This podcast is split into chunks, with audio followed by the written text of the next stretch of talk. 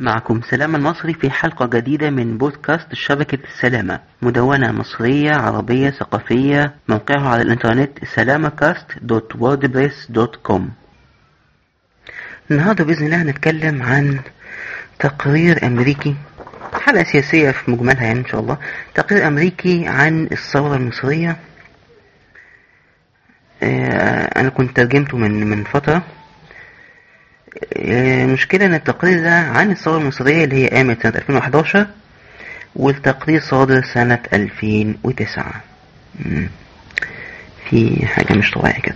ما علينا. آه، هنتكلم عنه بعد كده إن شاء الله. لكن يعني في ملاحظات في الأول عن البودكاست نفسه وال- والسير الأمور يعني وال تجربة التدوين الصوتي دي نفسها. في آه، دي تعتبر حلقة رقم ثلاثة بعد الحلقة الأولانية كانت عن آه، آه، التدوين الصوتي عامة وال- وال audio books. وبعد كده كان في حلقة عن حياة شاعر إدجار ألان بو. وفي بينهم كان في بعض الملفات الصوتية كنت أنا سجلتها عن قصيدة بالعربي قصيدة بالإنجليزي آه، المسرحية بتاعت آه، دكتور مصطفى محمود زيارة للجنة والنار. أظن ملاحظ إن هي زودت أعداد حتى ال download يعني. أنا شايف آه، من كام يوم كان وصل ال download ل 700 أكتر من 700 مرة. عدد مرات التحميل دي معناها إن في تجاوب في يعني استجابة وفي نعمل حاجة مفيدة يعني. لو لو حد لاحظ ملفات ال link ات بتاعت ملفات التحميل على على الموقع على المدونة نفسها اللي هي salamcast.wordpress.com الملفات أنا بح- بحملها على موقع ال archive archive.org ده يعني public domain في في النطاق العام وبتحدد أنت نوع الملف هل يبقى مثلا استخدامه يبقى مقصور على فئة معينة يعني آه، لا يتم الاستفادة منه ماليا هل يمكن التعديل فيه ولا لأ؟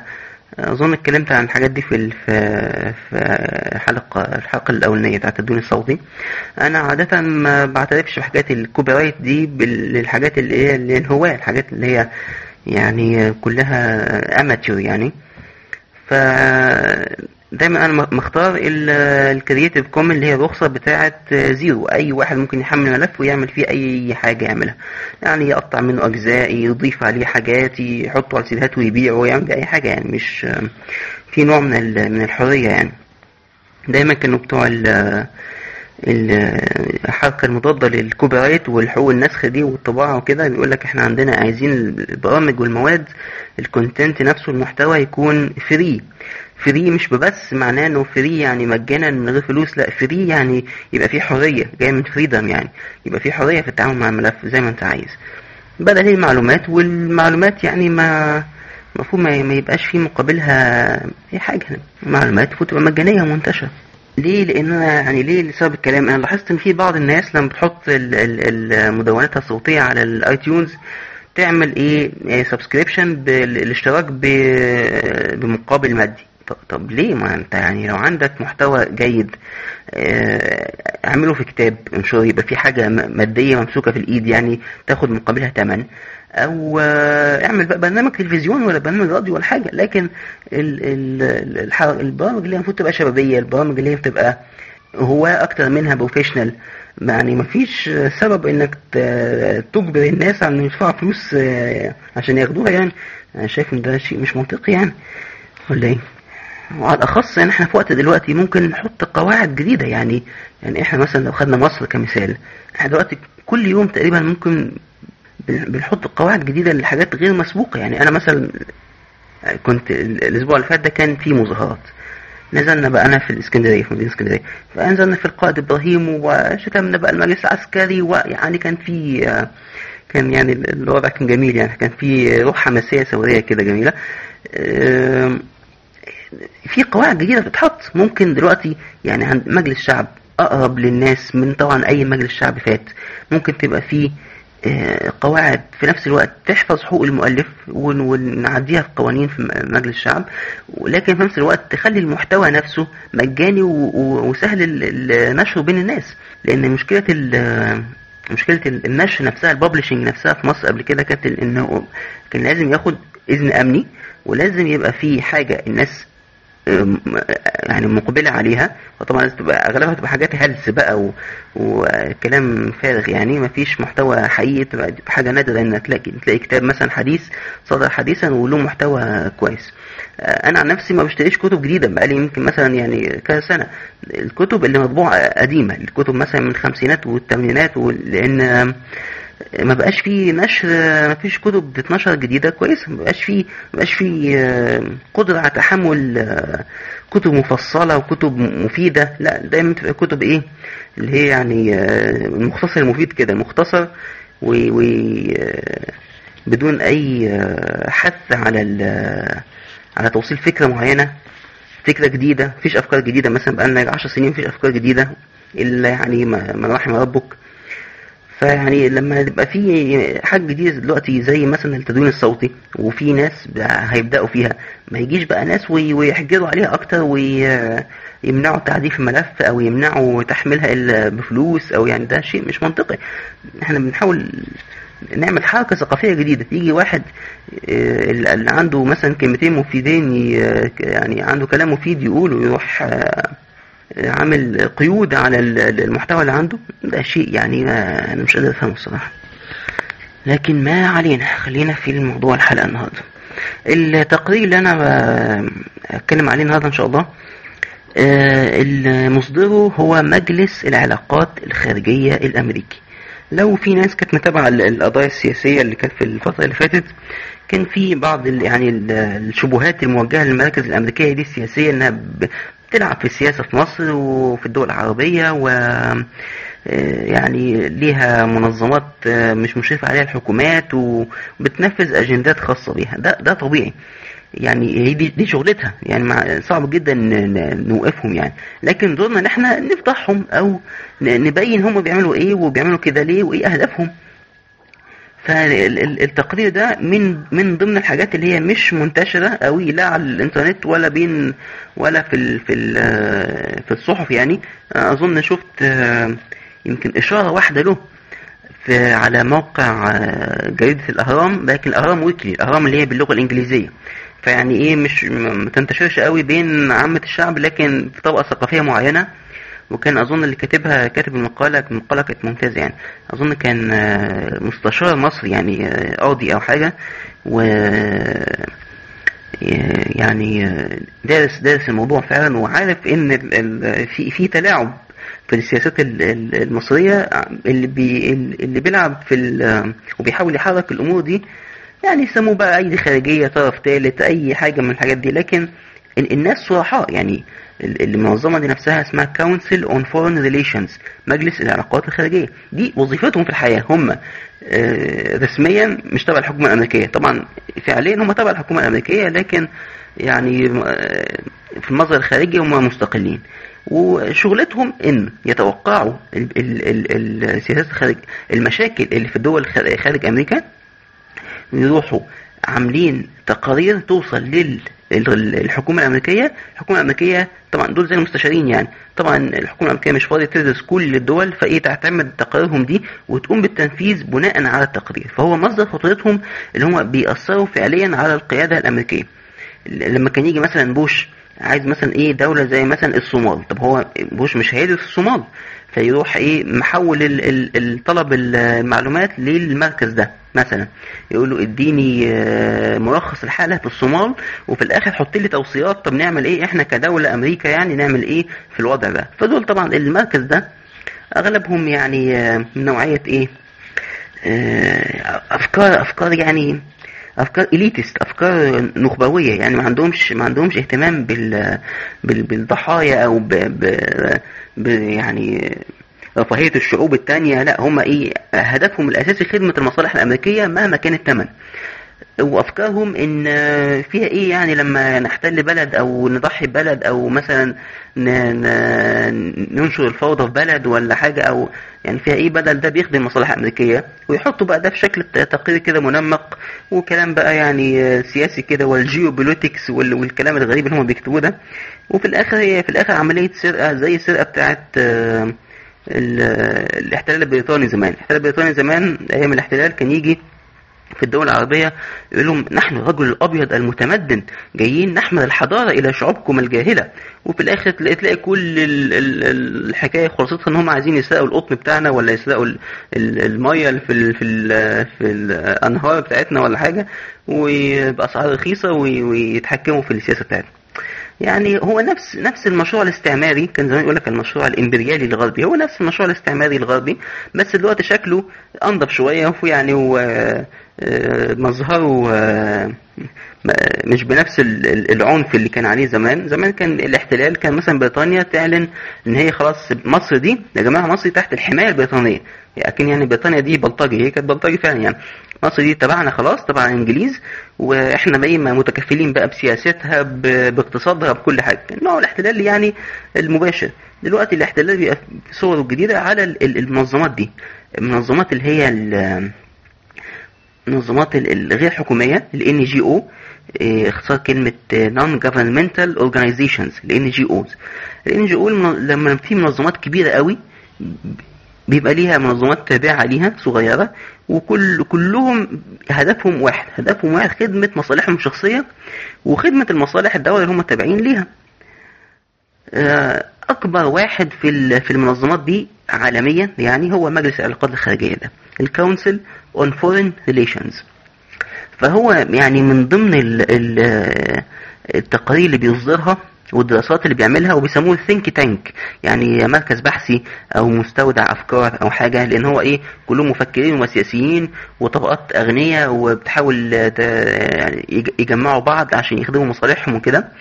فكان هم أصدروا سنة 2009 اللي هو التقرير اللي في إيدي ده في أغسطس 2009 مسميينه contingency contingency planning memorandum number 4 يعني مذكرة رقم أربعة التخطيط للطوارئ المحتملة. دي شغلتهم إيه؟ يشوفوا بلدان خلاص على حافة الانفجار. يعني إحنا بلد كان في مصر كان الفساد وصل فيها لدرجة آه كان لازم يحصل تغيير. طيب إيه؟ يشوفوا التغيير ده هيروح فين وهيتعاملوا معاه إزاي؟ يعني نوع من التنبؤ بال بال يعني لو تشوف الكلام المكتوب تقول ده معقول مكتوب 2009 لأن في بعض حاجات كتبوها حصلت يعني كما وصفوها بالظبط وبعض الاشياء طبعا خرجت عن إيديهم وخرجت عن توقعاتهم. التقرير اسمه الأساسي Political Instability in Egypt الاضطراب السياسي في مصر. وكان المشرف عليه اللي كاتبه واحد اسمه ستيفن كوك ستيفن كوك ده يعني مشهور في مركز العلاقات الخارجية ودلوقتي تلاقي إيه أقواله يعني يؤخذ بيها في في, في السياسة المصرية وله blog مدونة مشهورة وله من الناس المتابعين للشأن المصري يعني معرفش إيه ليه يعني مهتمين بينا زيادة عن اللزوم كده يعني. و القسم اللي هو الفرع بقى من مركز العلاقات الخارجية اللي مصدر التقرير ده اسمه مركز الفعل الوقائي. شوف لاحظ الاسم. Center for Preventive Action. يعني مش بس رد مش رد فعل للحدث لا. استباق الحدث ومحاولة تغييره لمصلحة المركز ده ومصلحة أمريكا قبل ما يحدث الحدث أصلا يعني. هتلاقي هحط إن شاء الله لينك في مع التدوينة دي للترجمة وللملف الأصلي من موقع ال CFR نفسه. هو الموقع بتاعهم اسمه cfr.org طبعا مشهور يعني. أي واحد مهتم بالسياسة بيبقى عارف الحاجات المشهورة دي.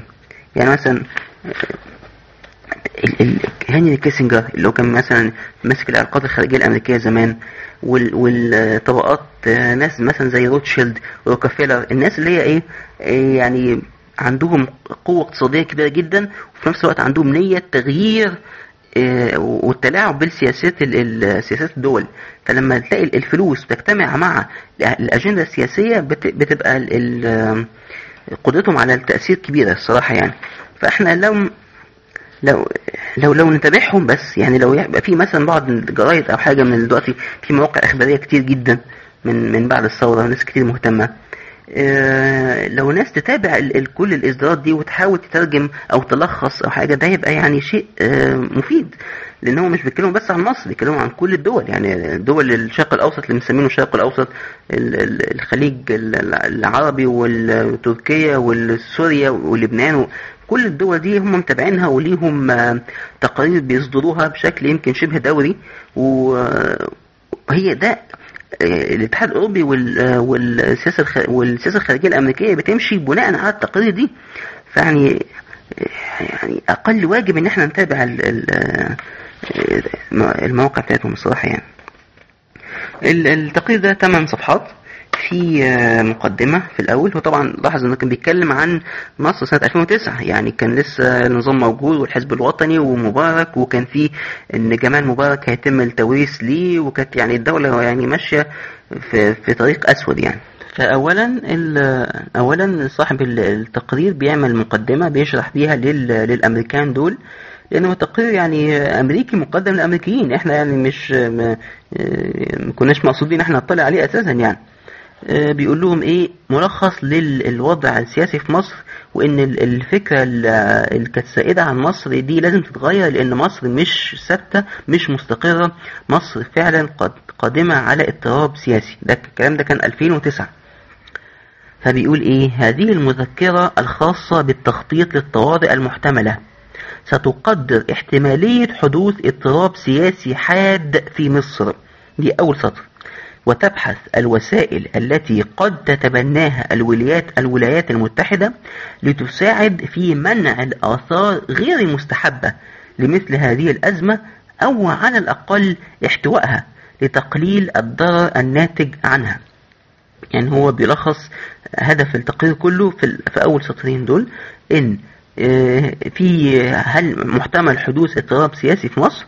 حاد يعني فوضى مثلا أو ثورة أو حاجة. طب وقت أمريكا وقتها هيبقى دورها إيه؟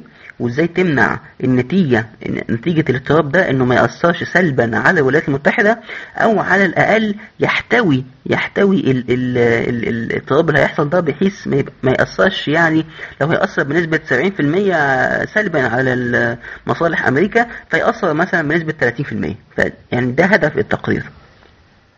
الأول بيقول إن آه، معظم المحللين السياسيين سابقا بيعتقدوا أن النظام المصري اللي هو كان نظام حسني مبارك ويعني آه، هي هيستمر. أي نعم هي متساقل لكن لكنه مستمر في مواجهة التحديات التي تواجهه وإن هو آه، نظام قائم من 60 سنة نظام الحزب الوطني كله ونظام الثورة يعني أيام ثورة 1952 وإنه حتى مع هزيمة حربية سنة 67 وحتى مع ركود اقتصادي كبير وحتى مع حدوث عملية اغتيال سياسي آه، لكن ال- النظام فضل مستمر وال- وال- والنظام العسكري فضل محافظ على آه، سلطته القهرية التي ضم- ضمنت له بقاؤه.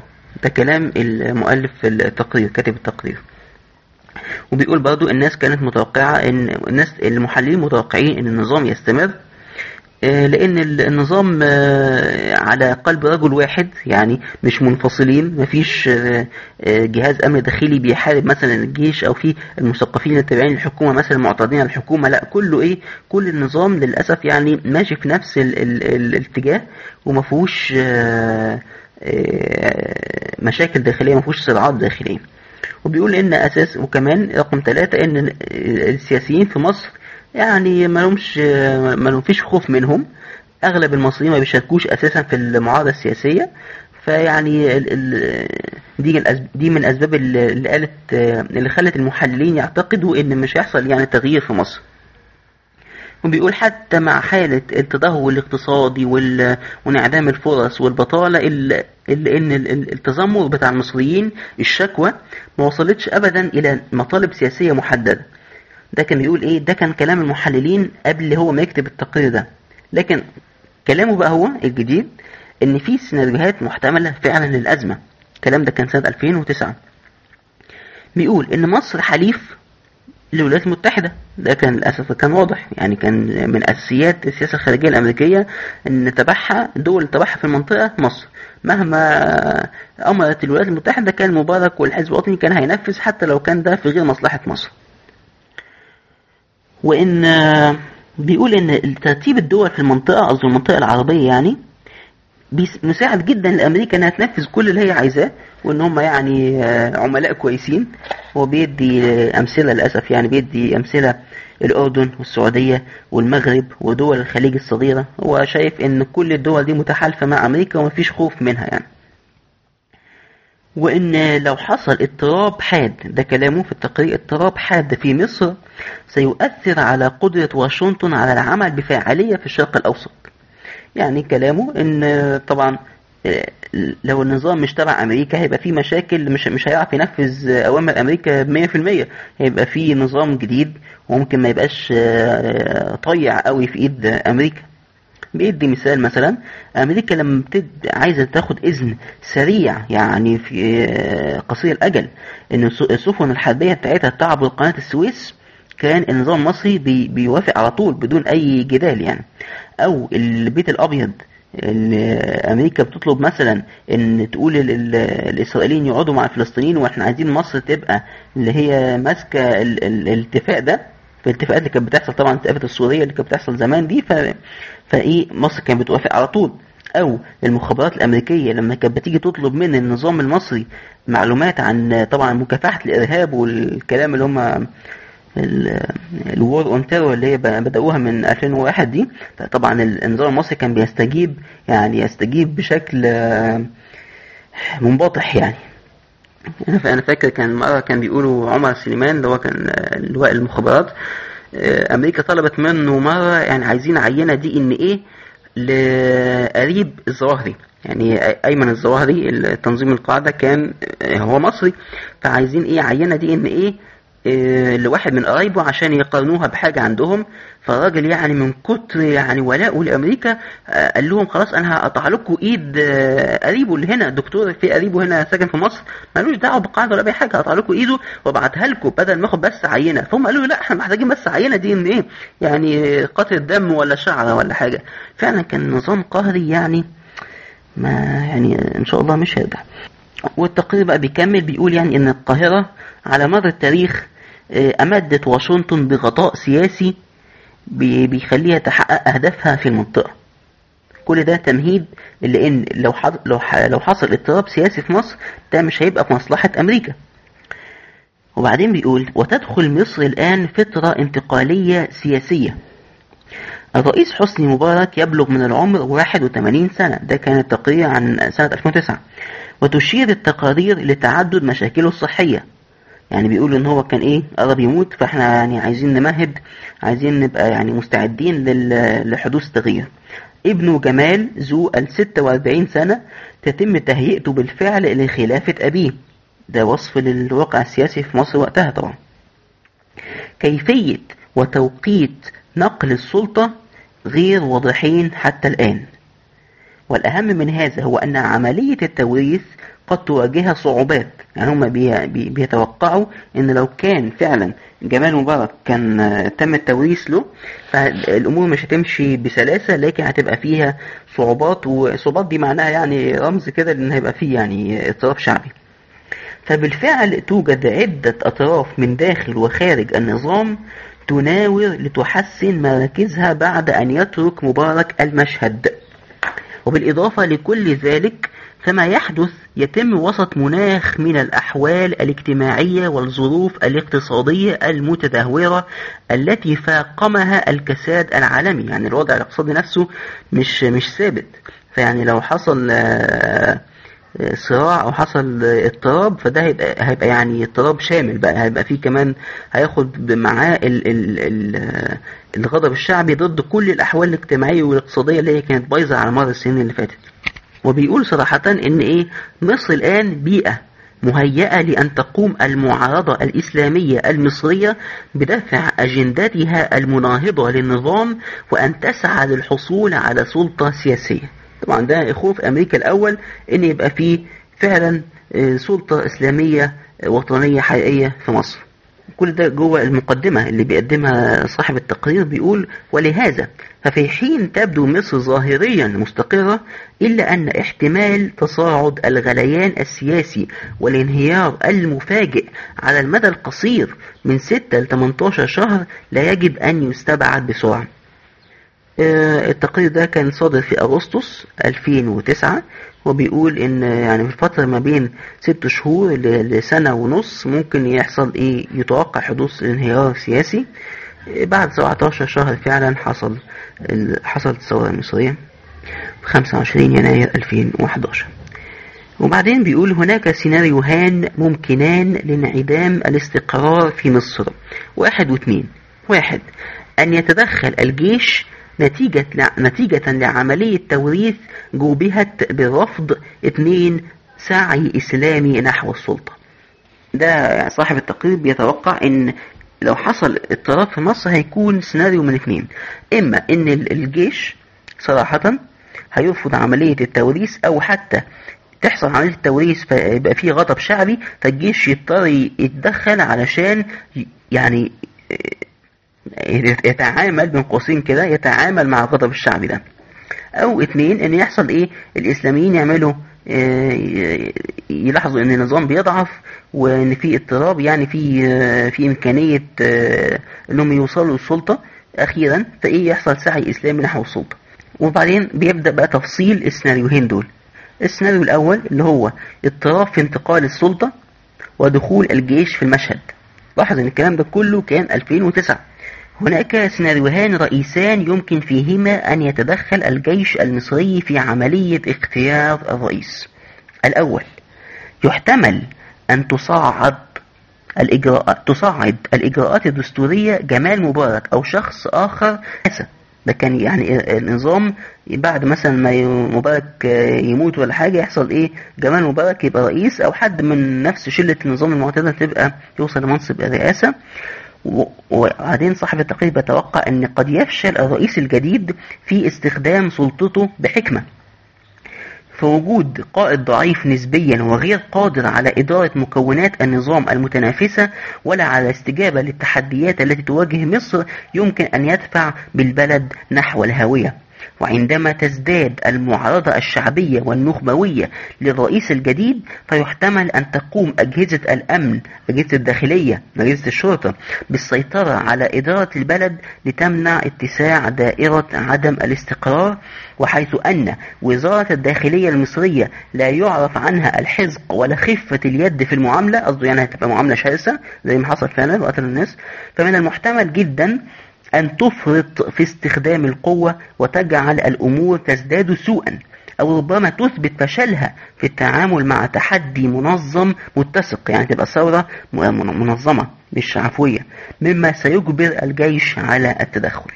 فهو بيتوقع هنا إن ال- السيناريو تدخل الجيش في في السياسة إن يبقى في انتقال مثلا ال- السلطة من مبارك لحد ثاني عمر سليمان مثلا يبقى نائب رئيس ولا حاجة زي ما كان بيحصل كان كان كان زي ما حصل. وتنزل الداخلية تضرب الناس تفشل الداخلية في التعامل مع الناس بال- بالعنف ال- العنف ده يؤدي إلى إن الناس آه، ترد بعنف برضه فهيبقى إيه الجيش هيبقى مضطر ينزل بمعداته ويتدخل يعني. وفي آه، بيكتب آه، سيناريوهين جوه السيناريو بتاع دخول الجيش المشهد. ده كان السيناريو الأولاني. الحاجة التانية اللي ممكن يدخل الجيش في المشهد فيها اللي هي إيه؟ الانقلاب بقى. يمكن أن يقوم الجيش المصري بانقلاب على الرئيس. إن قرر الجيش أن اختيار جمال أو أي مدني آخر للرئاسة هو أمر يهدد الصلة المؤسسية الهامة غير المكتوبة بين القوات المسلحة والرئاسة.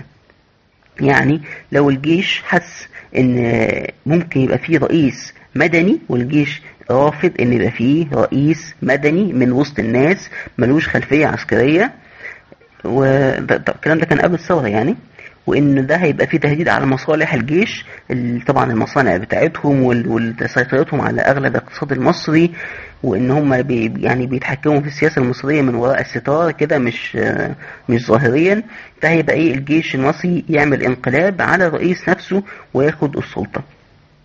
صاحب التقرير بيقول وهذه المخالفة الصريحة لعملية انتقال سلطة كانت قد تمت على الأقل وفق, وفق شكل دستوري قد تشعل شرارة حركة معارضة واسعة النطاق وهذا التهديد لمنظومة الدولة سيعطي تبريرا إضافيا للجيش أن يستمر مشاركا في الساحة السياسية.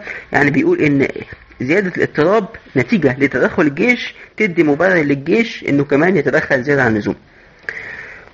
ده كان السيناريو الأول اللي صاحب التقرير بيحطه توقعه. وبيقول إيه؟ مؤشرات تحذيرية قد تسبق هذا السيناريو. يعني إمتى أمريكا تبدأ تحس إن السيناريو ده هو اللي هيحصل؟ لو لو حصل إيه لو لو المؤشرات دي حدثت فعلا. إيه المؤشرات دي؟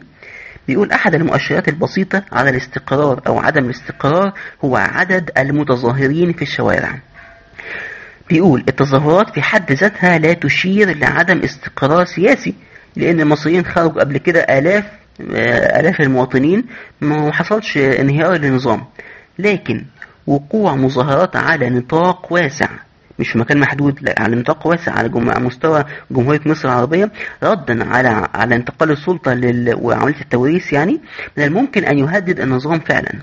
وفي مؤشر تاني إن للسيناريو الأولاني إنه يحدث تأخير في إعلان الجيش ولاءه للرئيس الجديد. يعني لو كان حصل إن جمال بقى رئيس لكن الجيش تأخر شوية في إنه يعلن ولاءه له يبقى كده فعلا في يعني اضطراب متوقع. ومن المؤشرات أيضا على وقوع السيناريو الأول وهو أن الجيش يتدخل في السلطة ويحدث اضطراب في انتقال السلطة هو أن يحدث تأخير في إعلان الجيش لولائه للرئيس الجديد. يعني يكون مثلا يحصل انتخابات تتزور أو متزورش ويجي اسم رئيس جديد والجيش ما يعلنش صراحة إن ولاؤه للرئيس فيبقى ده يبقى فيه نية عند الجيش إنه يعمل انقلاب أو إنه ياخد الأمور في, في إيده. وبعدين صاحب التقرير بيقول وفي الحقيقة فإن الجيش إن واجه الرئيس فيحتمل ساعتها أن تفعل مكونات النظام الأخرى نفس الشيء. يعني للأسف بعد ما الجيش بيعلن موقفه الحكومة وبقية العناصر النظام المتوقع أن هي تتبعه. ومثل هذا الاضطراب قد يكون مقدمة لتداعي النظام. طيب بعد دلوقتي الآثار المحتملة لهذا السيناريو اللي هو سيناريو تدخل الجيش في السياسة على المصالح الأمريكية. سيؤثر تدخل الجيش على المصالح الأمريكية بطريقتين رئيسيتين. أولا الضغوط السياسية من قبل جماعات حقوق الإنسان وأعضاء الكونجرس مثلا على الإدارة الأمريكية لتعاقب الجيش المصري لأنه يعتبر قام بانقلاب ستكون ضخمة وصعب مقاومتها ولما الحكومة الأمريكية تبدأ شكليا حتى إجراءات عقابية ضد مصر فهيبقى في إجراءات مضادة من من من مصر ضد أمريكا. مما سيصعب من وجهة نظر يعني المصالح الأمريكية سيصعب من استمرار المصالح الأمريكية مع مصر. هو مدي مثالين هنا مثلا تيسير نقل القوات الأمريكية إلى المنطقة وحولها. يعني مثلا قناة السويس بتستخدم لنقل الجنود الأمريكان لمنطقة الشرق الأوسط داخلين مثلا في الخليج العربي حوالين إيران أو بينقلوا الجنود للعراق. وأيضا خلق سلام بين الإسرائيليين والفلسطينيين. دي نقطة كان لما بيبقى في مثلا معاهدات سلام كده شكلية بين الفلسطينيين والإسرائيليين كانت أمريكا بتستخدم مصر كوسيط في, العلاقة دي. لما مصر تخرج من المعادلة هيبقى صعب هيبقى دورها مين هيقوم بيه يعني. ومثال ثالث على المصالح الأمريكية في المنطقة استمرار علاقات التعاون المخابراتية. بصراحة يعني المخابرات المصرية متعاونة مع المخابرات الأمريكية متعاونة من ناحية يعني مش مع مش مش تعاون ندي ند بالند لكن تعتبر يعني زراعة من أزرعتها في المنطقة يعني. فلو حصل برضه سوء علاقة بين الجيش المصري اللي هو يبقى ماسك مصر والإدارة الأمريكية فده هيؤثر سلبا على التعاون المخابراتي اللي كان مستمر بقاله سنين. وثانيا وثانيا السيناريو ده هيأثر على المصالح الأمريكية في المنطقة من وجهة نظر كاتب التقرير إن إن من المتوقع أن يتركز اهتمام حكام مصر العسكريين الجدد على تثبيت سلطتهم وليس على مساعدتهم للولايات المتحدة. يعني الجيش لما يبدأ ينقلب على السلطة ويتحكم في في, النظام هيبقى كل اهتمامه مركز على إنه يثبت سلطته مش على إنه يخدم أمريكا. فده يعتبر إيه؟ هيأثر بالسلب برضه على المصالح الأمريكية. وك- وكنتيجة لهذا فلن يعد في مقدور واشنطن أن تعتمد على القاهرة في أخذ مبادرات يرفضها المصريون شعبيا. يعني كان في مثلا آه، أي أيام حسني مبارك كان آه، لما يحصل اعتداء من إسرائيل على غزة فكان آه، طبيعي النظام المصري بيروح مشارك في, ال- في الاعتداء ده بأنه يمنع الأنفاق بتاعة تهريب المواد الغذائية وكده أو يعني بي- بي- بيحاصر ال- المنطقة بحيث بيحاصر ال- ال- الفلسطينيين بحيث يبقى يساعد الإسرائيليين. لو ال- النظام لسه جديد ولسه ال- ال- الجيش المصري لسه يعني بيحاول يثبت سلطته ما يقدرش يعمل صراحة كده حاجات خيانة بيرفضها ال- ال- المصريين. لكن في النهاية ده صاحب التقرير بيقول ومع كل هذا فإن تدخل الجيش لن يمثل ضربة كارثية لمصالح أمريكا في المنطقة. يعني كل ده ممكن برضو أمريكا إيه تدعم آه، إن الجيش يسيطر على ال- النظام في مصر. فعلى الرغم من احتمال سوء العلاقة مؤقتا كما هو موضح بالأعلى إلا أن واشنطن لديها خبرة في التعامل مع الانقلابات العسكرية وستوفق أوضاعها مع القيادة الجديدة لمصر بسهولة نسبية. ده للأسف اللي إحنا شفناه بيحصل فعلا. إن أول ما ال- السلطة بقت في إيد الجيش آه، أمريكا بكل سلاسة تعاملت معهم على أنهم هم ال- ال- الحاكم الفعلي.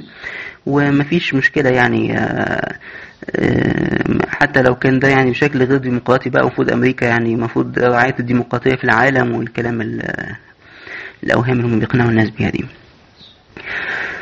خيارات الولايات المتحدة لمنع وقوع أزمة انتقال سلطة. هو الأول شرح السيناريو اللي هو السيناريو الأولاني وحط مؤشرات تحذيرية يعني إيه المؤشرات اللي ممكن لو حصلت؟ يبقى السيناريو ده بدأ فعلا يحدث وحط آثاره على ال- المحتملة على المصالح الأمريكية.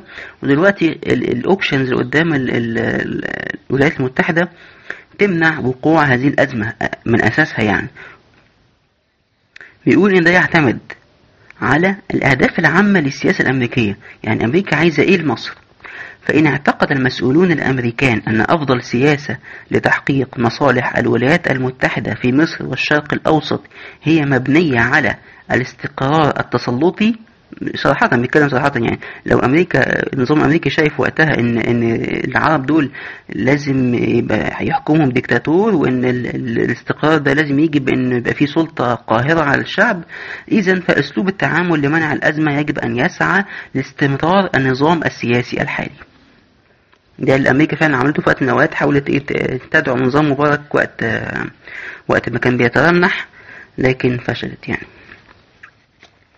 فعلى الرغم دي بقى الجملة مهمة يعني فعلى الرغم من أن واشنطن ستدعم في العلن انتقالا شرعيا بين علامتين تنصيص انتقالا شرعيا للسلطة إلا أنها ستدعم في الخفاء الانتقال الذي يمثل أفضل فرص استمرار حقبة حسني مبارك تحت حكم خلفه دي دي ملخص السياسة الأمريكية بالنسبة لمصر. في بيبقى في كلام في العلن معلن إن أيوه أنتوا عندكم انتقال شرعي للسلطة وفي انتخابات وجابت مثلا واحد من النظام ال ال ال القديم فخلاص أنتوا اموركم يا مصر مستقرة. إلا إن يعني في في الخفاء هي عارفة إن في تزوير وإن في ان إن ما حصلتش انتخابات شرعية وإن ال- النظام لسه مستمر حتى لو غير رأس النظام يعني حسني مبارك إلا إن يجي واحد من نفس النوعية عشان يكمل خدمته للمصالح الأمريكية في مصر. يعني لازم تحب في الامريكان الصراحة فعلا يعني بيتكلموا في حاجات يعني آه، دي, دي سياسة يعني سياسة قذرة تعتبر لكن بيتكلموا ب- بصراحة. وعملا على الوصول لهذه الغاية اللي هي إيه؟ غاية إن يبقى في الانتقال السلطة يبقى بعد ما يمشي حسني مبارك يجي واحد من نفس النظام علشان يكمل نفس الأسلوب اللي فات. يجب على الولايات المتحدة واحد اتنين تلاتة أربعة. تستمر في برنامج المعونة طبعا لأن هي يعني كسر عين ال- الجيش المصري بال بال 1.3 من عشرة مليار دولار اللي هو المخصصين لل- للجيش المصري. المزيد من المساعدات المالية والتدريب. ليه بقى؟ من مصلحة الناس؟ لا. بما يدعم قوة الحكومة على مقاومة وإخماد التحديات الداخلية.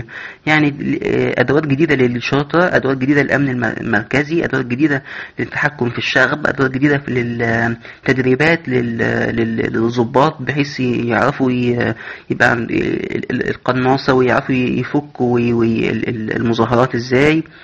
للأسف يعني. ده ده اللي حصل بيقال حصل في السنة ونص اللي من بعد الثورة المصرية لغاية آه، لغاية دلوقتي. البدء في مفاوضات اتفاقية تجارة حرة مع القاهرة.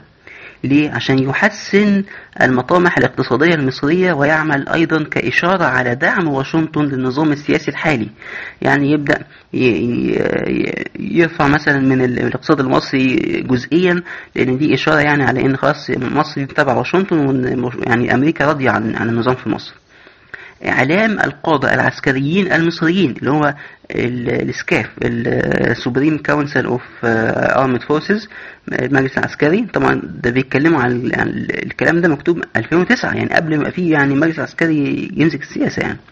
إعلام القادة العسكريين المصريين ومنظمات الأمن الدولية سرا أن واشنطن تدعم بقاء الوضع الراهن على ما هو عليه.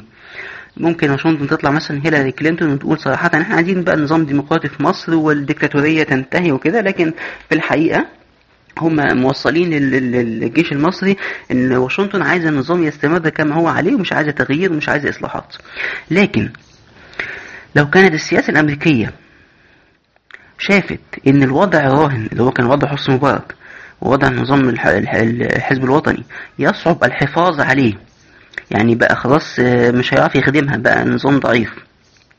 فساعتها وال يعني الغضب الشعبي ضده بقى زاد عن عن عن ما ممكن احتوائه يعني.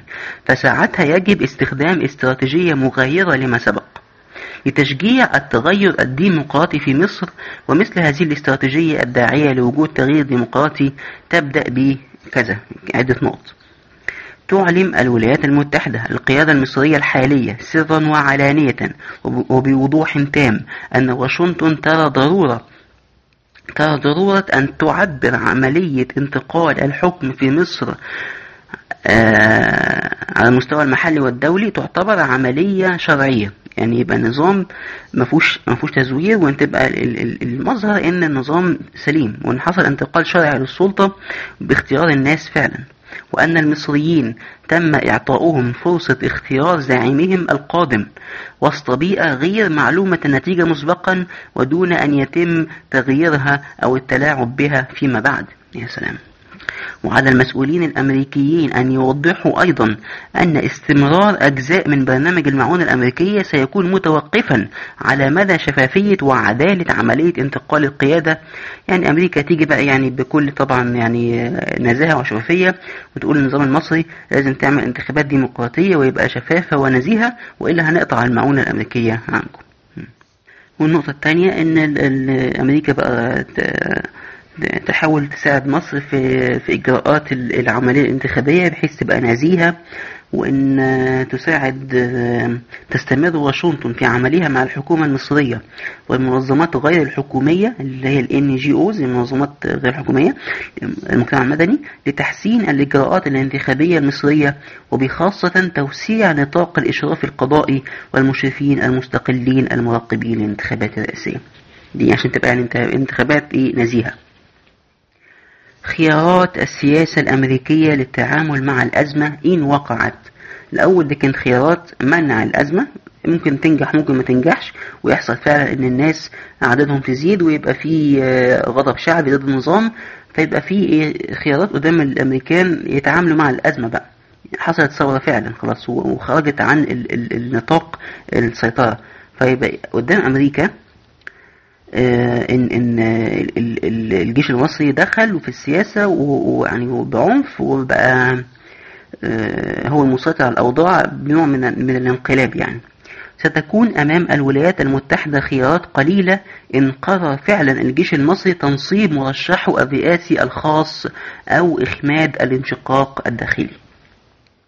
يعني لو الجيش قرر تزوير الانتخابات أو يبقى عنده مرشح رئاسي خاص بيه انتخابات أو من غير انتخابات أو إخماد الانشقاق يعني يبقى في الجيش يضرب في الشعب صراحة. فأمريكا يعني بتقول مش هنقدر يبقى مش هنقدر نعمل حاجة لأن الجيش هيبقى صعب السيطرة عليه يعني.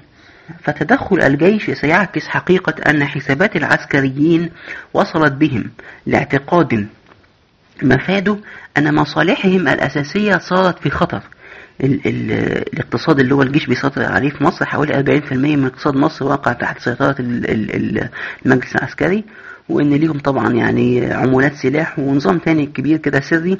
فلو العسكريين حسوا إن هيبقى يجي ممكن يبقى فيه انتقال سلطة مش في صالحهم فهيبقوا يعني مضطرين يعملوا انقلاب ويحطوا مرشح رئاسي تبعهم ما لا يسعى لأي إصلاحات ولا ولا كشف دفاترهم القديمة.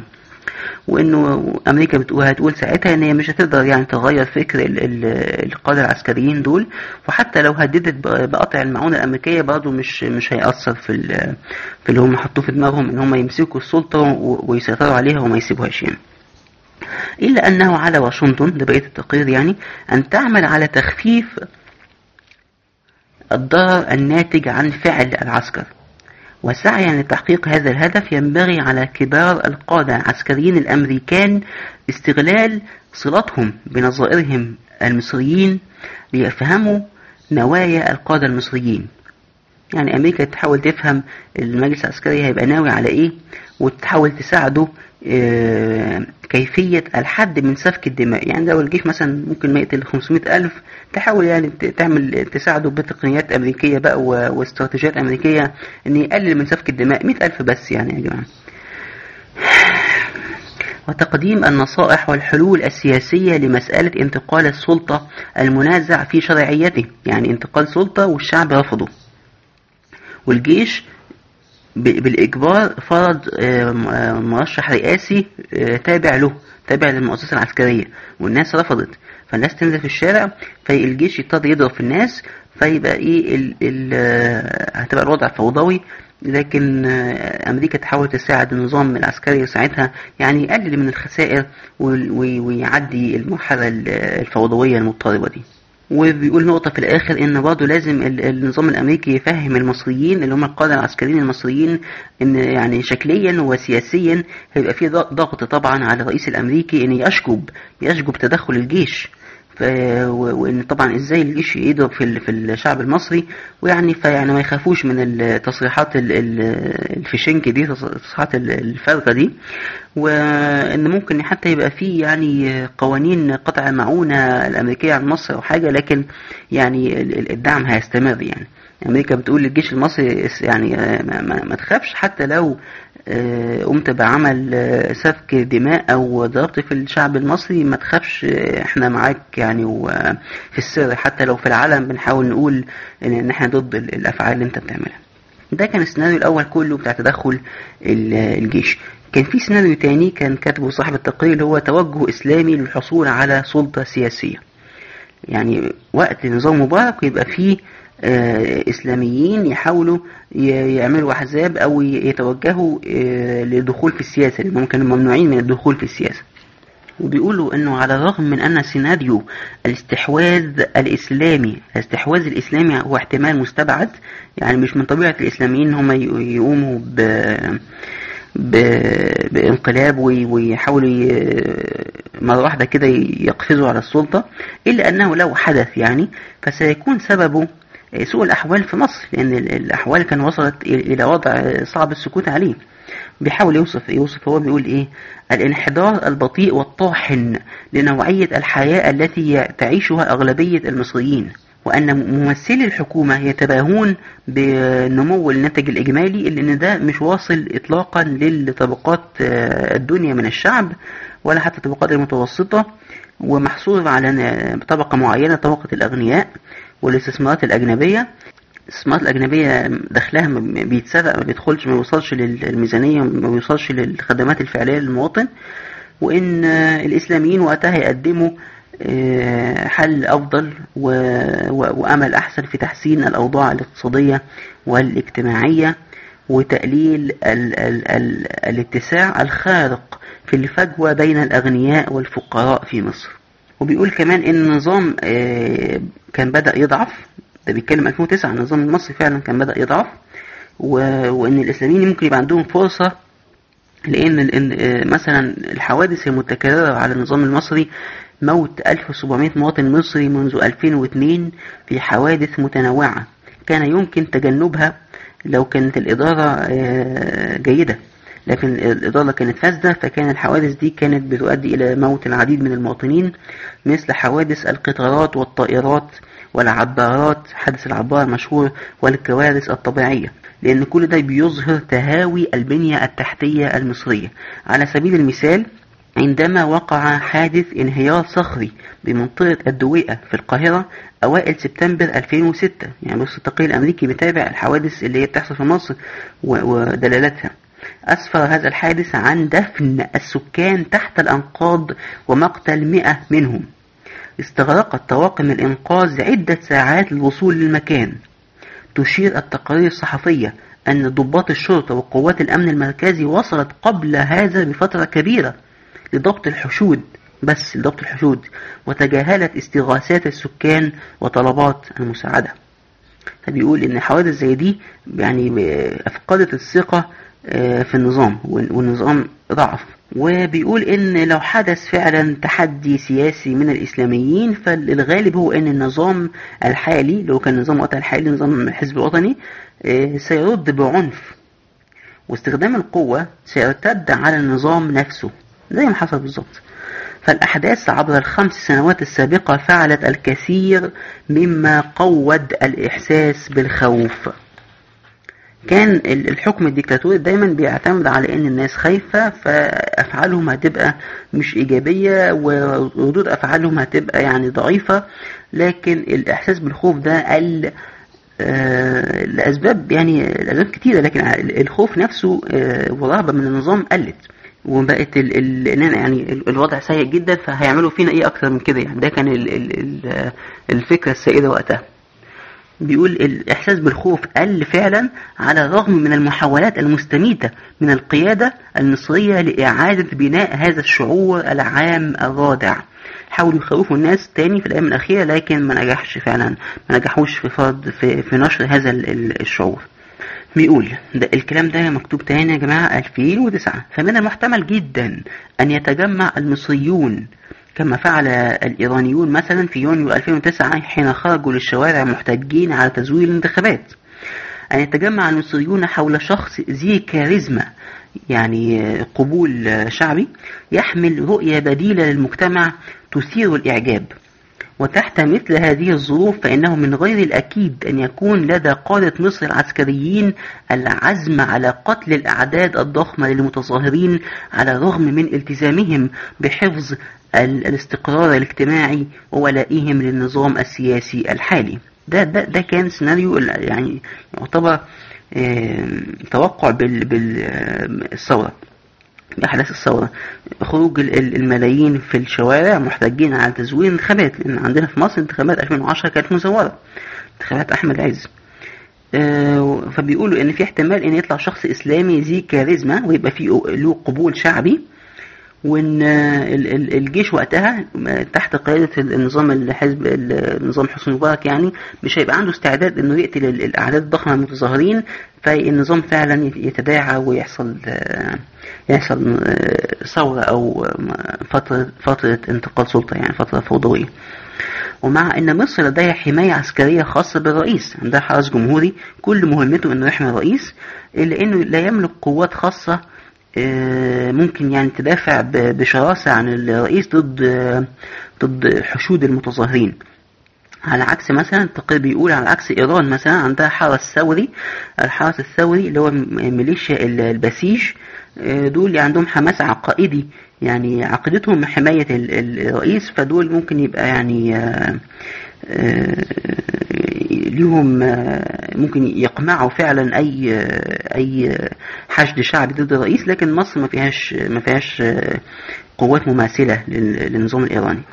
يعني بيقول حتى لو الثورة كانت فشلت في إيران والنظام الشيعي استمر ومحدش الشعب ما قدرش يطيح بيه إلا إن مصر لا وضعها مش كده. مصر مصر فعلا ممكن لو حصلت ثورة شعبية تطيح بالنظام. وفي حالة توجيه النظام ضربة ضد الصعود الإسلامي فقد يؤدي هذا لظهور فصائل مسلحة مستعدة للصدام مع النظام القائم الذي فقد وجوده معناه عندهم.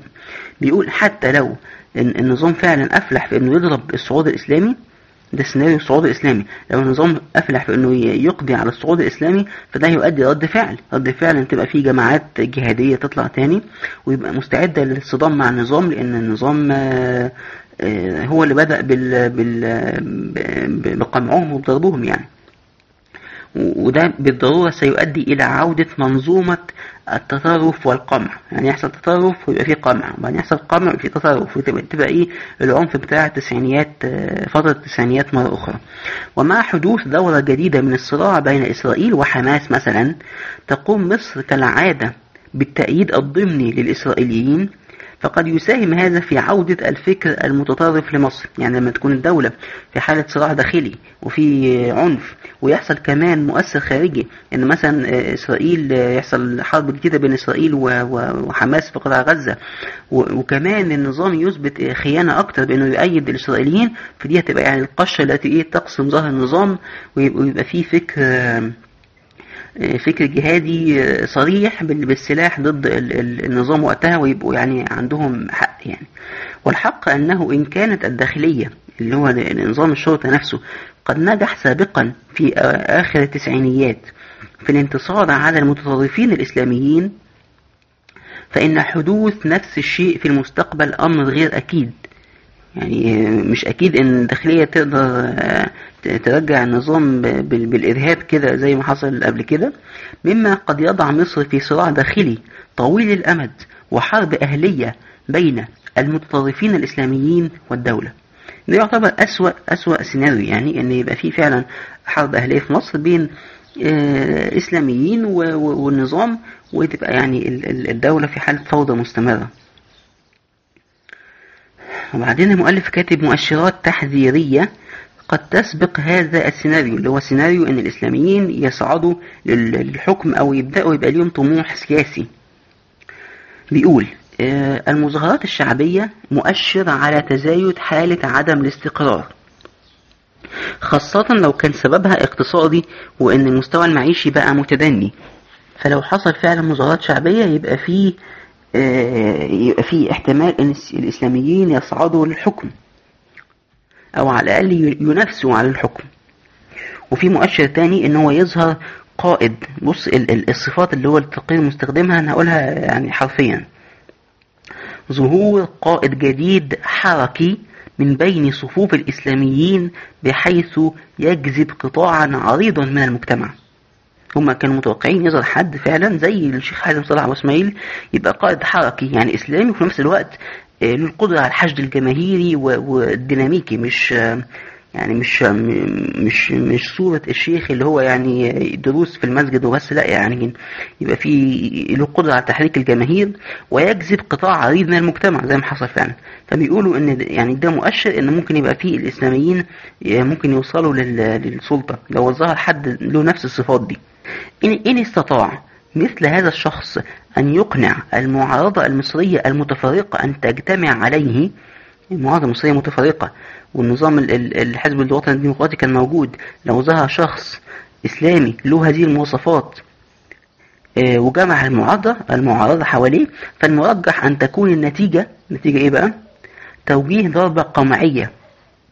التقرير كراك داون. يعني ضربة تبقى شاملة قمعية ضد أي ضد أي تجمع للقوات للأحزاب المعارضة مثلا مش أحزاب المعارضة طبعا للقوة المعارضة يعني مثل الإخوان المسلمين أو كده أو وقوع حالة اضطراب عامة في الدولة أو كليهما. يعني لو فعلا ظهر شخص له هذه المواصفات وقدر يجمع المعارضة فالنظام هيضربه هو وأتباعه فهتحصل إيه؟ آه، حالة فوضى عامة في البلد. وأخيرا وفي سياق حدوث تصاعد لقوة سياسية إسلامية فإن دخول الجيش في مسائل مسائل أمن بقى مسائل كان قد تم إقصاؤه عنها سابقا. يعني الجيش يقوم مثلا كان يقوم بمسؤولية الأمن الداخلي في الشارع نفسه الجيش كان يعني بعيد عن ال ال ال الوضع الداخلي على الأقل ظاهريا. لكن لو الإسلاميين ظهروا الجيش هيدخل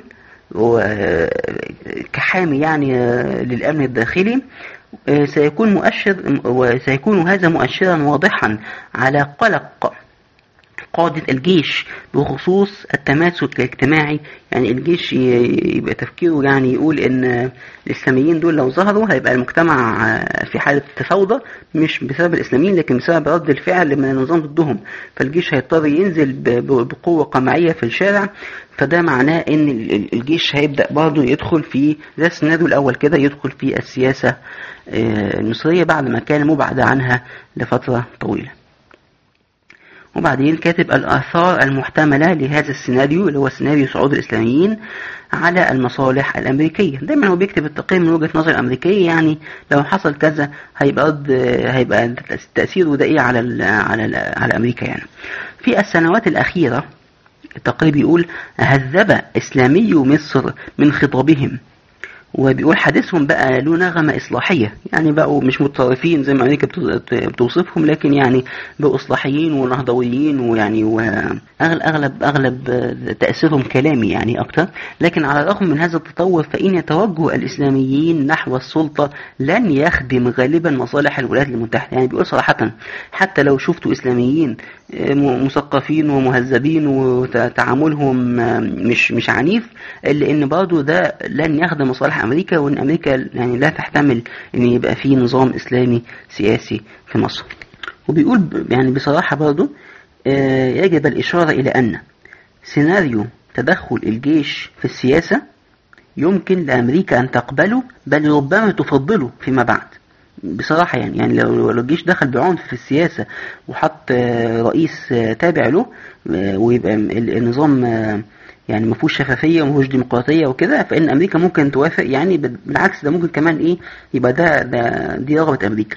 لكن إسلاميين في السلطة في مصر ده هيكون له ده كلام التقرير يعني عواقب كارثية على مصالح أمريكا في الشرق الأوسط.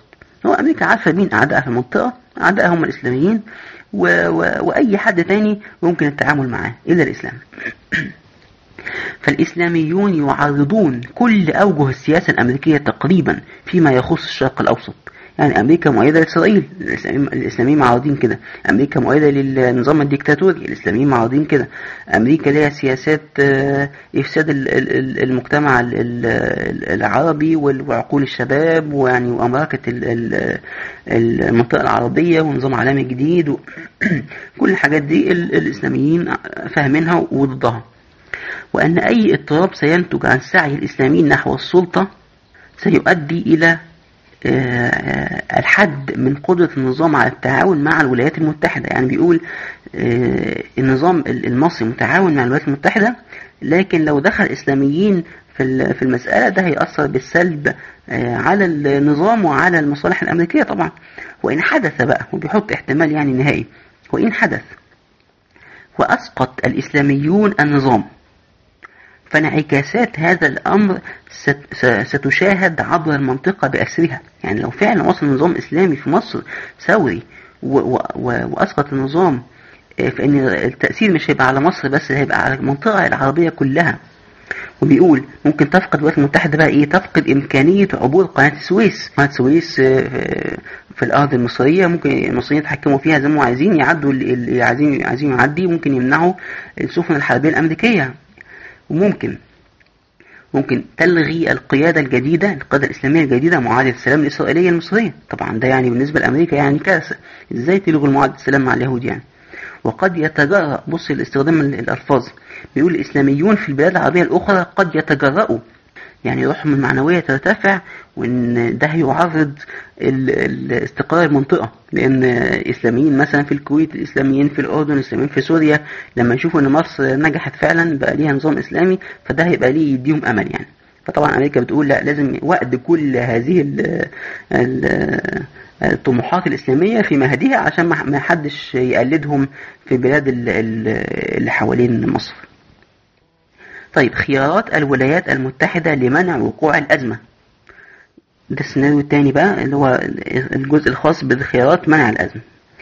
التقرير بيقول استجابة صناع السياسات الأمريكية لسيناريو سعي الإسلاميين نحو السلطة هو أمر يعتمد على أهدافهم العامة فيما يخص مصر يعني بيحضروا إيه لمصر إذا كانت واشنطن تريد صراحة الاحتفاظ بالنظام التسلطي الحالي يعني عايز النظام يستمر فعليها أن تستمر في جهودها التي بدأتها منذ 30 عام من أيام حكم مبارك يعني تساعد المصريين على النمو الاقتصادي. طبعا عارفة أنه موصلش للشعب لكن إيه بحيث النظام نفسه يستمر يعني. وإن الملايين تدخل في جيوب الطبقة اللي هي في الحزب الوطني والطبقة اللي كانت مسيطرة على السياسة وقتها وإن هي تساعد ال ال ال الاقتصاد المصري بحيث تلغي حجة الإسلاميين بأن هم جايين يصلحوا الاقتصاد. فإيه يعني يبقى حتى شكليا الوضع المصري يتحسن مثلا لفتره معينة بحيث ده يقوي النظام النظام الديكتاتوري ويبقى على حساب النظام السعي الإسلامي نحو السلطة. يعني مثلا لو برامج المساعدات بتاعت الاتحاد الأوروبي واليابان والبنك الدولي وكده ساعدت مصر بأريحية يعني بتوسع في المساعدات فده ممكن يبعد يفض الشعب عن أي عن أي إسلاميين موجودين.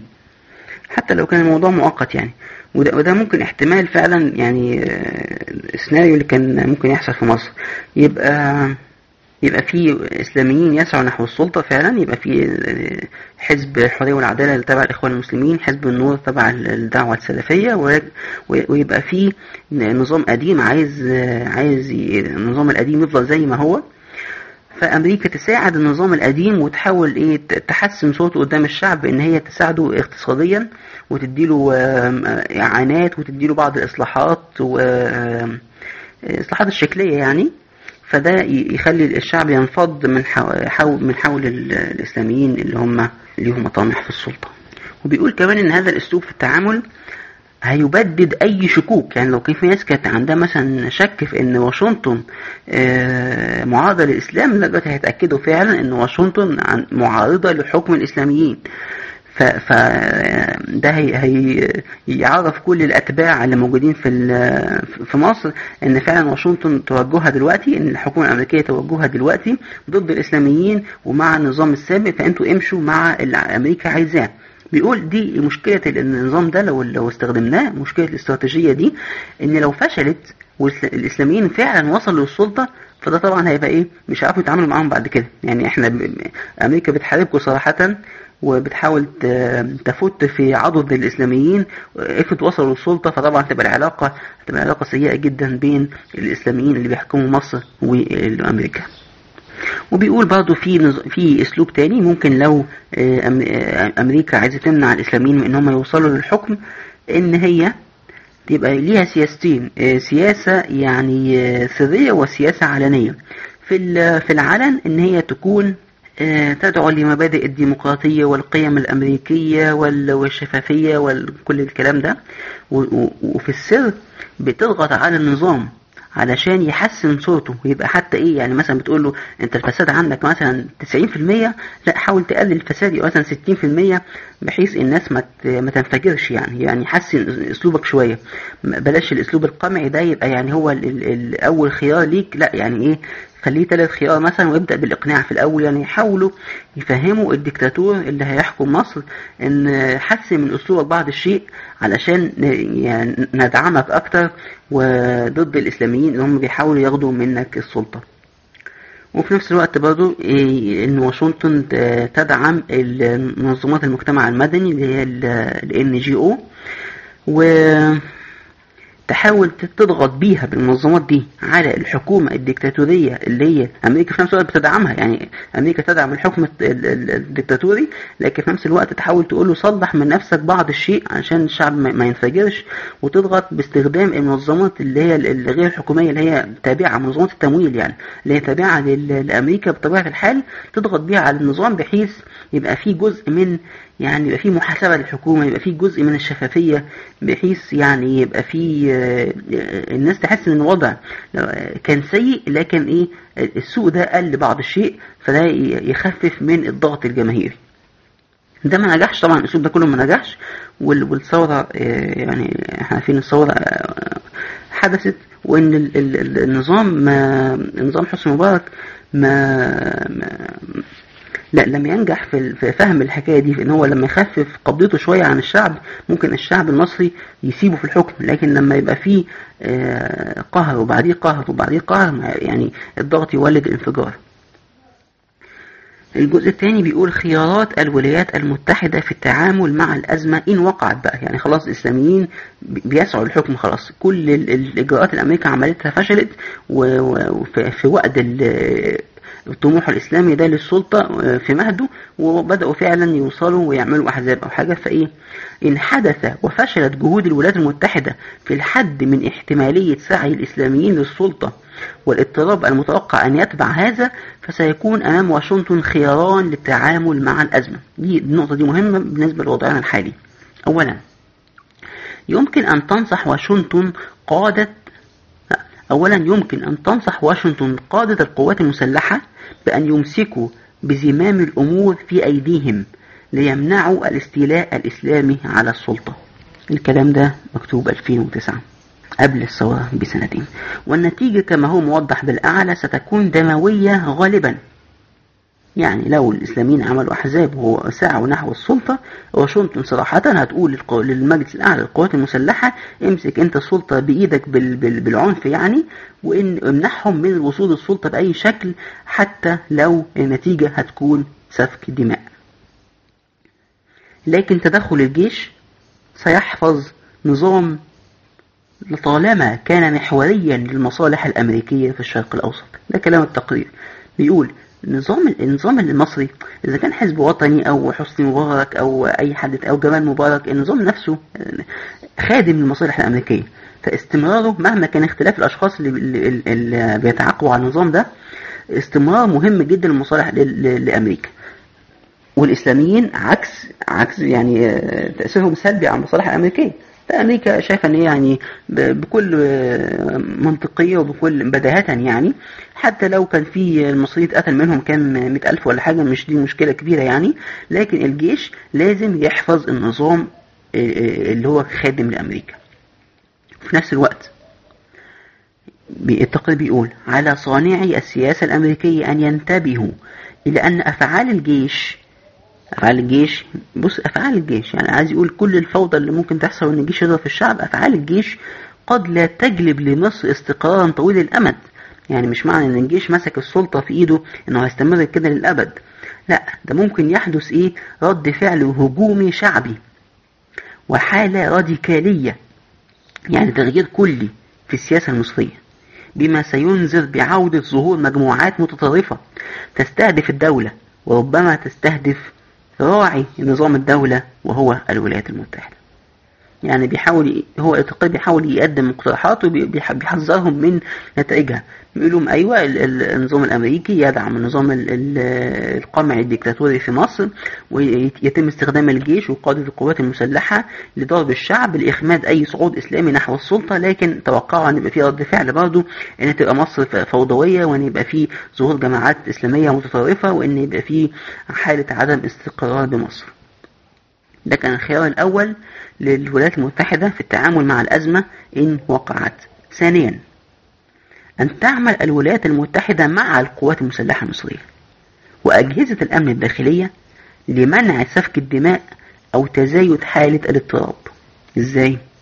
بزيادة الاستثمار في برنامج ال IMET اللي هو التدريب العسكري الدولي. يعني الضباط المصريين أمريكا تدربهم على أساليب حديثة في التعامل مع الشعب. آه، أسلوب فض المظاهرات وأسلوب حتى التعامل بالإقناع. يعني أساليب إيه؟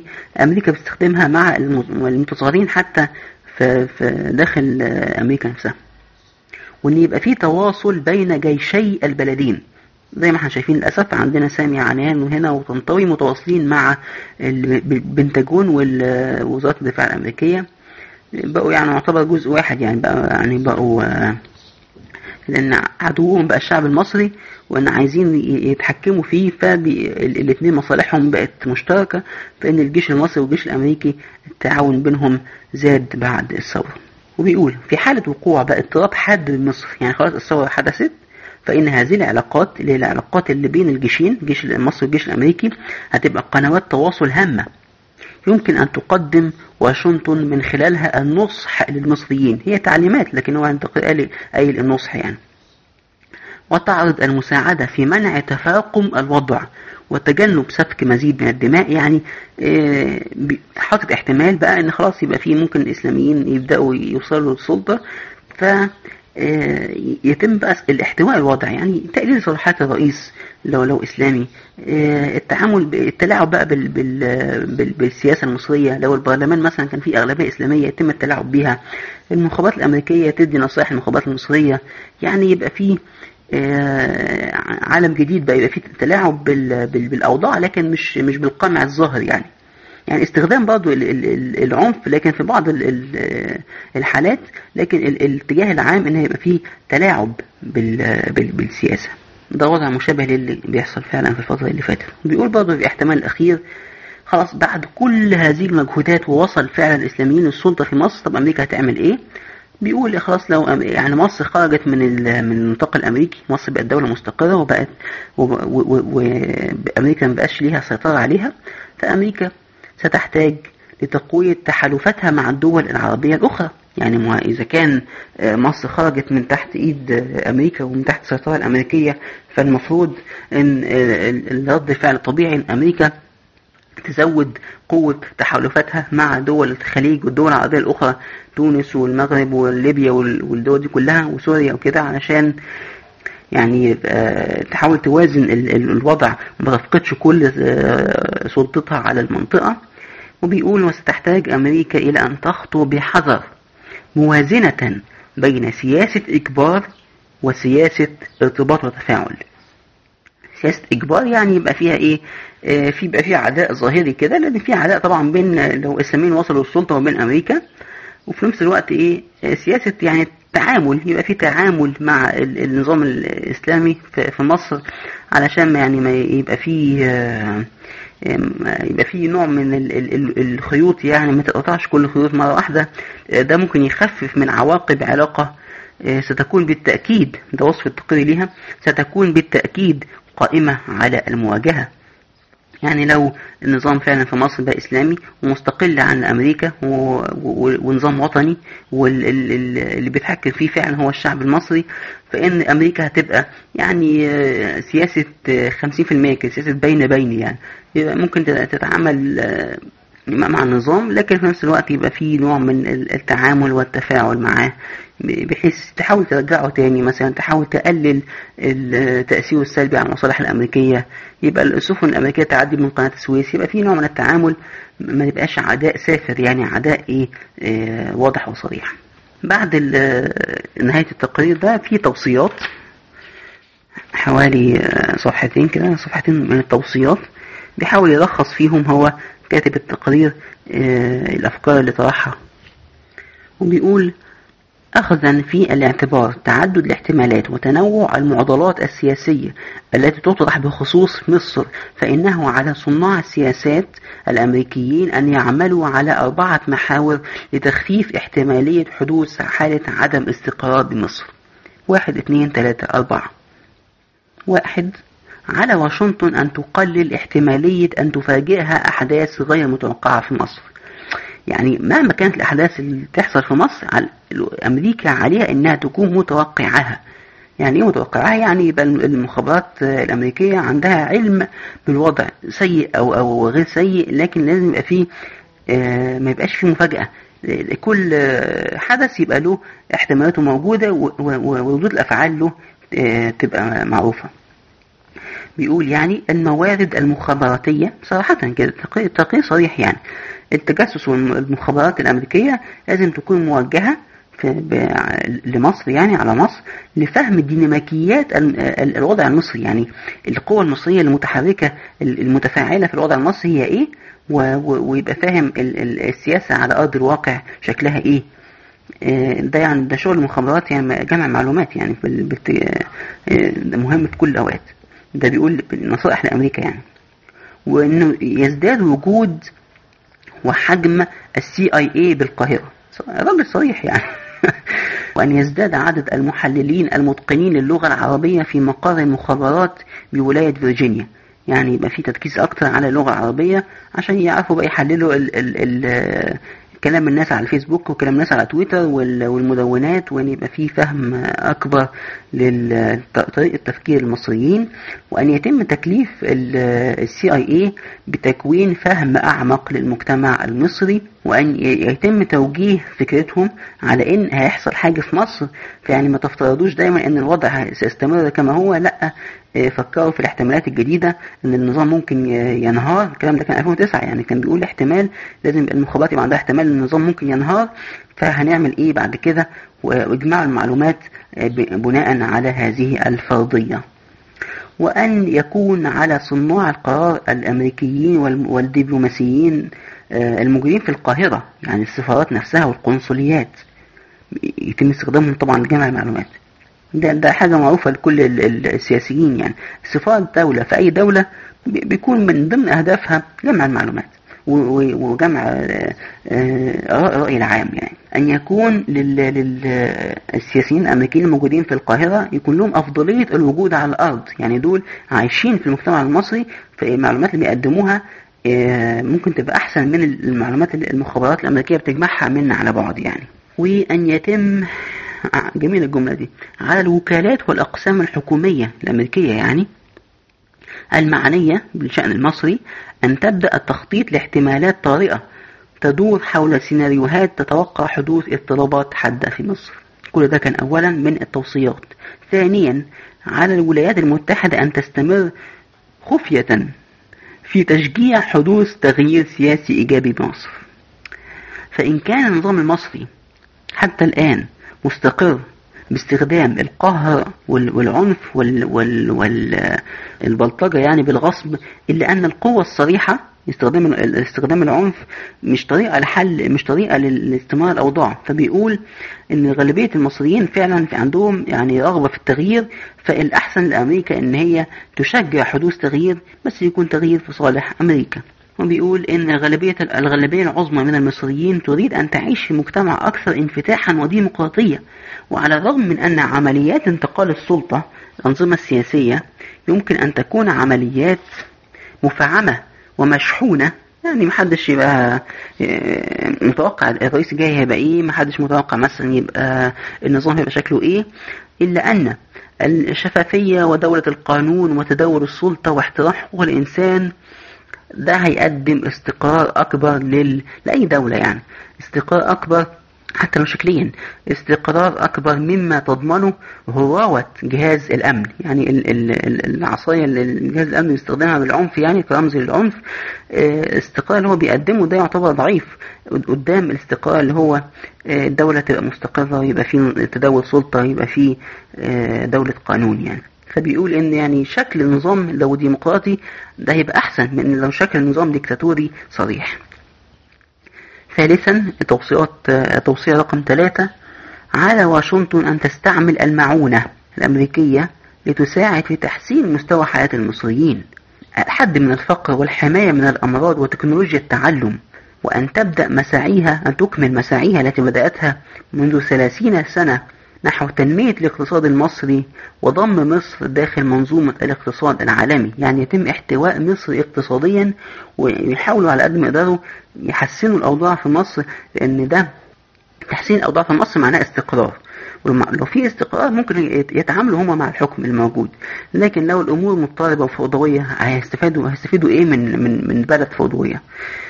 رابعا على صناع القرار الأمريكيين أن ينتبهوا إلى أن بيقول بقى إيه؟ ملخص السيناريوهين اللي هم اللي هو حطهم في الأول. سيناريو إن الجيش يدخل بعنف في السياسة وسيناريو إن الإسلاميين يسعوا نحو السلطة. بيقول إن السيناريوهين دول ليسوا على نفس الصفة. يعني أمريكا ممكن تحتمل إن إن يحصل سفك دماء وإن الجيش يضرب في الشعب وإن النظام الدكتاتوري يستمر لكن لا تحتمل إن سيناريو الإسلاميين يوصلوا للسلطة. بصراحة يعني. بيقول إيه؟ فتدخل الجيش المصري يؤدي لمخاطر قصيرة الأمد للولايات المتحدة لكن على العكس من ذلك دخول الإسلاميين بنجاح في السلطة سينتج عنه نقلة أساسية في نظام المنطقة مما سيمثل تهديد أكبر بكثير للمصالح الأمريكية من حيث الحجم والأثر من الثورة الإيرانية نفسها. يعني راجل صريح فعلا بيقول وصول الإسلاميين للسلطة دي هتبقى كارثة الجيش لو دخل بعنف السياسة والنظام ديكتاتوري استمر ده هيبقى يعني إيه مش كارثة ولا حاجة لكن يعني مخاطر على المدى القصير بس يعني. وجهة النظر التي سادت لدى المحللين والمسؤولين الحكوميين لبعض الوقت هي أن مصر مستقرة. ده بيدي ملخص لكن ده التقرير طبعا أثبت أن مصر مش مستقرة وأن في احتمال حدوث اضطراب فعلا ثوري في مصر. التقرير ده كان 2009 والاضطراب حصل بدأ يحصل في بعد تزوير الانتخابات في 2010 وبدأت الثورة في 2011 فالتقرير يعتبر يعني توقع بشكل ما اللي ممكن اللي حصل. لكن هذا الاستقرار اللي هو شكل شكل مصر كانت مستقرة سنة 2009 لا يجب أن يؤخذ إطلاقا كأمر مفروغ منه. فهناك سيناريوهات متنوعة تبرز نتيجة لواقع البيئة المصرية السياسية والاقتصادية والاجتماعية قد تؤدي إلى اضطراب حاد في حالة الاستقرار أو حتى إلى تحلل النظام. وبالإضافة لكل ذلك السطور الأخيرة في التقرير الأمريكي ده بتاع مجلس العلاقات الخارجية فإنه من الأهمية بمكان أن نشير لقلة عدد المحللين الذين يضمنون بقاء مصر مستقرة على المدى الزمني الطويل. يعني بيقول حتى كل اللي إحنا بنتكلم فيه ده على السنين القادمة مصر مستقرة ولا مش مش مستقرة؟ بيقول زمان كان الناس متوقعة إن مصر هتفضل مستقرة وإن الوضع هيستمر والنظام لن يسقط لكن هو التقرير بتاعه بيقول لا النظام فعلا بيتهاوى إن ولازم يحصل نظام جديد. لكن حتى كده أو كده إن المحللين السياسيين وغيرهم والاجتماعيين بيقولوا إن الوضع في مصر بعد يعني كم عدة عقود مثلا يعني بعد عشرات السنين مش هي مستقر يعني التحديات أكبر من أن من الحكومة المصرية تعرف تتعامل معها بيقول إيه مثال بعد آخر يعني صدر في التقرير التغير المناخي التغير الديموغرافي السكاني الاحتياج العالمي للطاقة تغيرات النظام الدولي خلال الخمسة إلى عشرة سنوات المقبلة كلها تمثل تحديات هائلة وغير مسبوقة. لا جدال في أن الحكومة المصرية غير مهيئة للتعامل معها. ودي كانت نهاية التقرير الأمريكي الذي توقع حدوث ثورة في مصر. الحلقة دي اتسجلت يوم السبت 23 يونيو 2012 قبل, قبل ما يتم إعلان اسم الرئيس المصري الجديد إذا كان هيكون استمرار النظام القديم أحمد شفيق ولا نظام إسلامي جديد. دكتور محمد مرسي كان معكم سلام المصري في حلقة من بودكاست شبكة السلامة سلامة كاست دوت ووردبريس دوت كوم.